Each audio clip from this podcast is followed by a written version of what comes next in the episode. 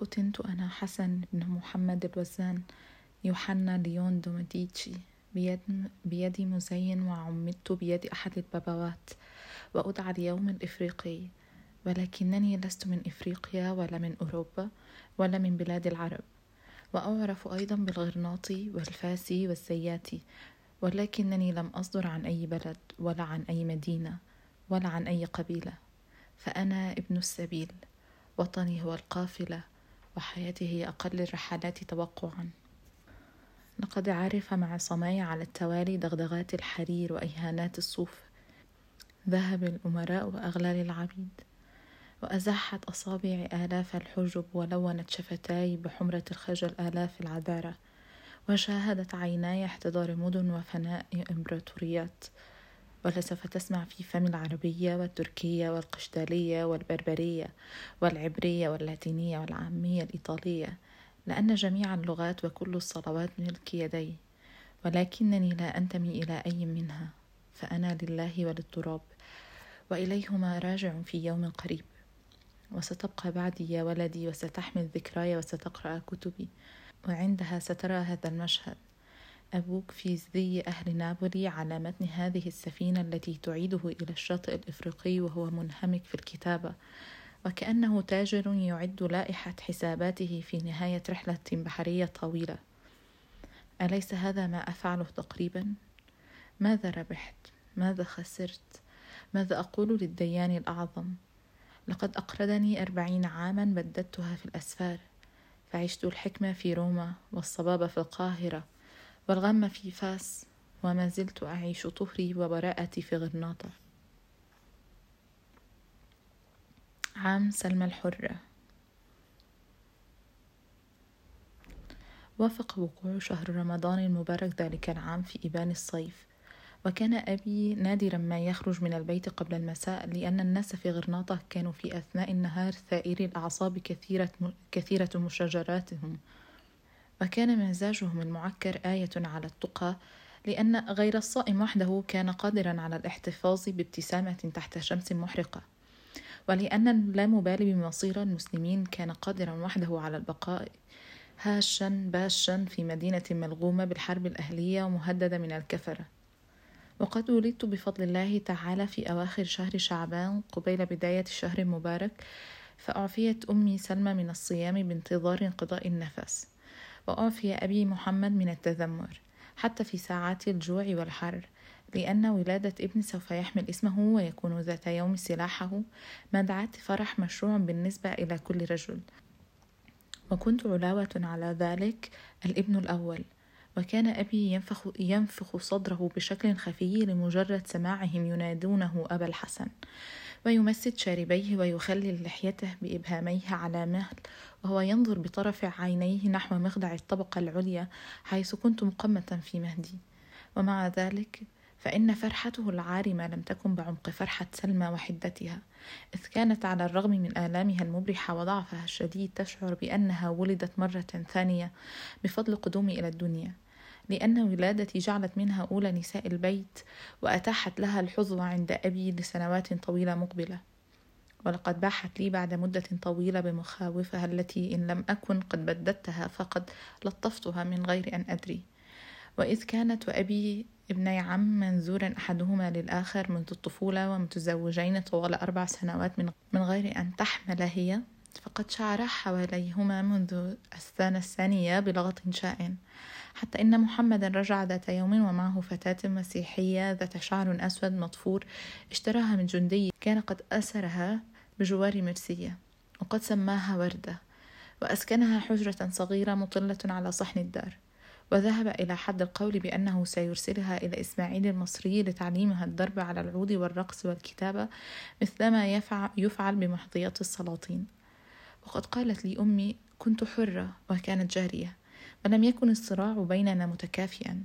كان بوسعها أن تستخدم على هواها جميع أسلحة الغواية وأن تخرج من وأن تخرج من دون حجاب وأن تغني وترقص وتصب الخمر وتغمز بعينيها وتتعرى. في حين كان لزاما علي بحكم وضعي ألا أتخلى قطعا وقاري وألا أظهر كذلك أي اهتمام بملذات أبيك. وكان يدعوني بنت عمي وإذا تحدث عني قال بإجلال الحرة أو العربية. وكانت وردة نفسها تبدي للإحترام الواجب على خادم حيال سيدتها. وأما في الليل فكانت هي السيدة.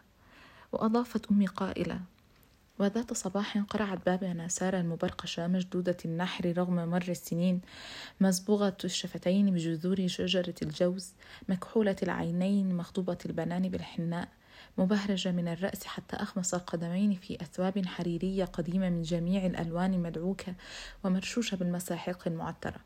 وكان من عادتها أن تزورني.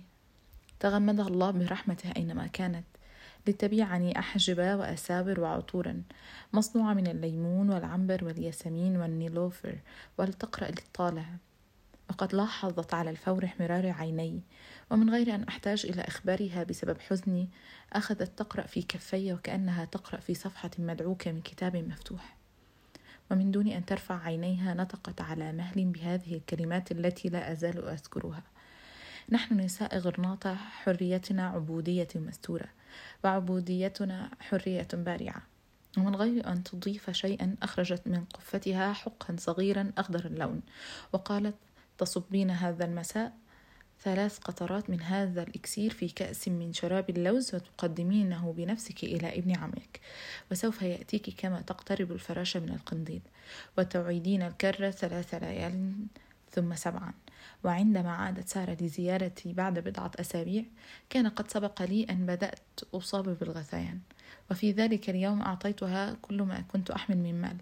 قبضة من الدراهم المربعة والمرابطيات وشرعت أضحك وأنا أراها ترقص وتهز ردفيها خابطة بقوة أرض غرفتي بقدمها منططة بيديها النقود التي اختلط رنينها برنين الجلجل الجرس الصغير المفروض على اليهوديات. الجرس الصغير المفروض على اليهوديات حمله. كان الأوان قد آن لكي تحمل سلمى لأن العناية الإلهية شاءت أن تكون وردة قد حملت على الرغم من حرصها على إخفاء ذلك تجنبا للمتاعب وعندما اكتشف الأمر بعد شهرين دار السؤال عمن, سن... عمن ستنجب غلاما. وإذا كانت الاثنتان تحملان ذكرين فمن التي ستلد قبل الأخرى؟ وكانت سلمى وحدها القلقة إلى حد الأرق.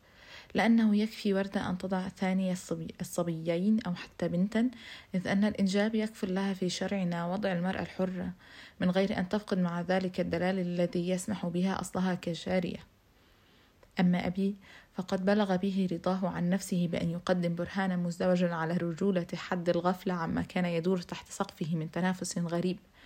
حتى إنه عندما تكور بطن زوجتيه أمرهما ذات مساء باصطحابه قبيل غروب الشمس إلى مشارف الحانة التي اعتاد أن يلتقي فيها أصدقاءه بالقرب من باب الرايات.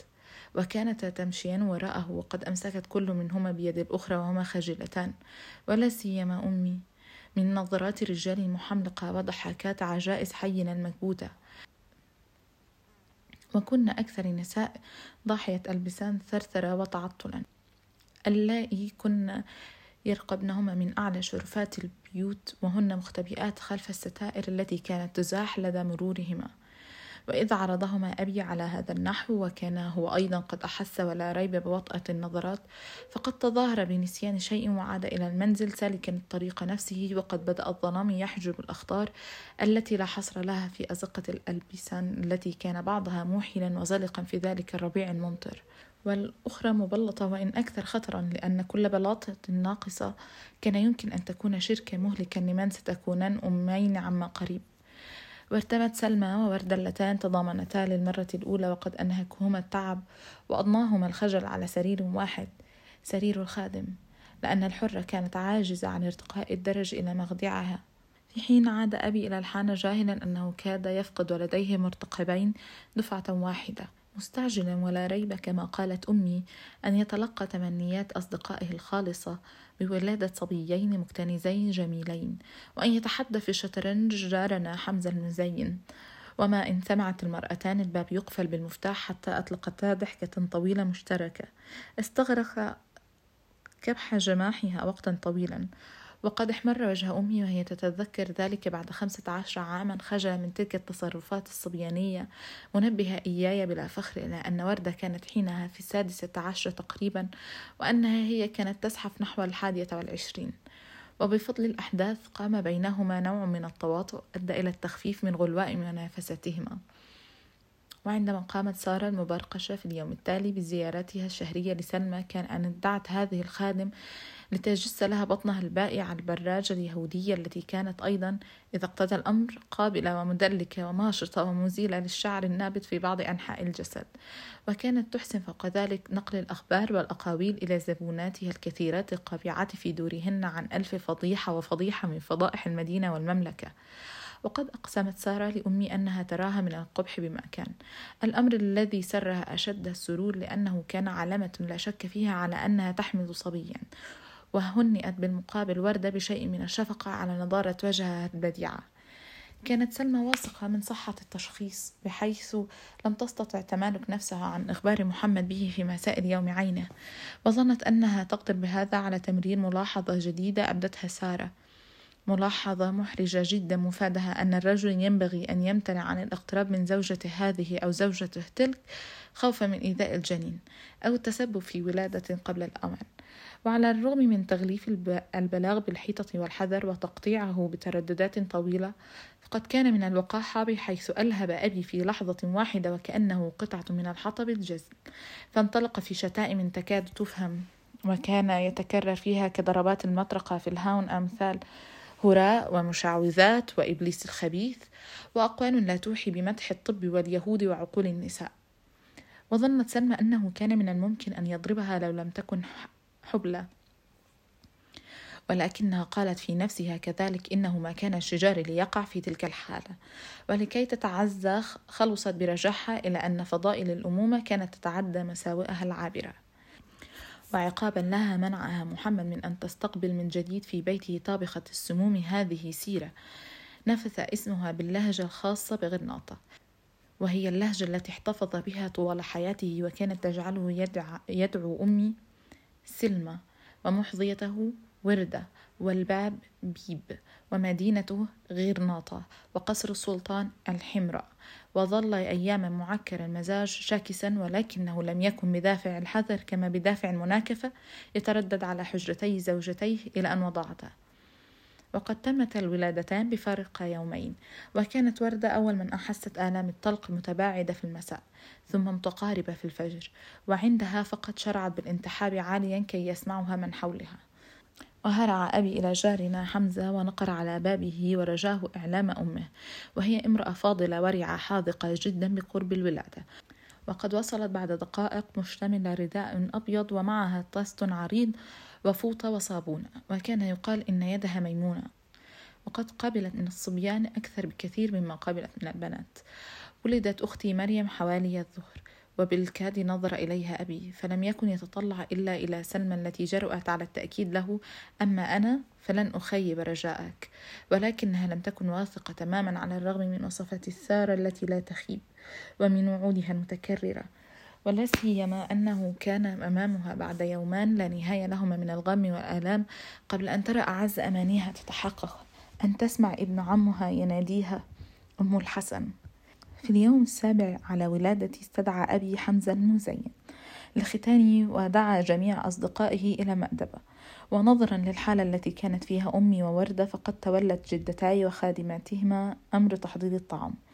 ولم تحضر أمي الاحتفال ولكنها باحت لي فيما بعد أنها انسلت على مهل خارج غرفتها لرؤية المدعوين وسماع أحاديثهم خلسة وكان تأثرها من الحدة في ذلك اليوم بحيث انحفرت في ذاكرتها أدق التفاصيل. وإذ اجتمع المدعوون في صحن الدار حول الفسقية المصنوعة من الرخام المنحوت مرطبا ماؤها الجو بخريره والرذاذ الذي كان يرشه فقد أخذوا يأكلون بشهية فائقة نظرا لأنهم كانوا في الأيام الأولى من رمضان. وكانوا يفطرون في الوقت الذي يحتفلون فيه بانخراط في جماعة المؤمنين. وحسب ما قالت أمي التي كان عليها أن تتقوت في اليوم التالي بما تبقى من طعام فإن المأدبة كانت وليمة جديرة حقا بالملوك. فقد كان الطبق الرئيسي الماروزية وهي طعام مؤلف من لحم ضأن محضر بقليل من العسل وبالكزبرة والنشاء واللوز والكمثرى والجوز الأخضر الذي كان قد بدأ موسمه على التو.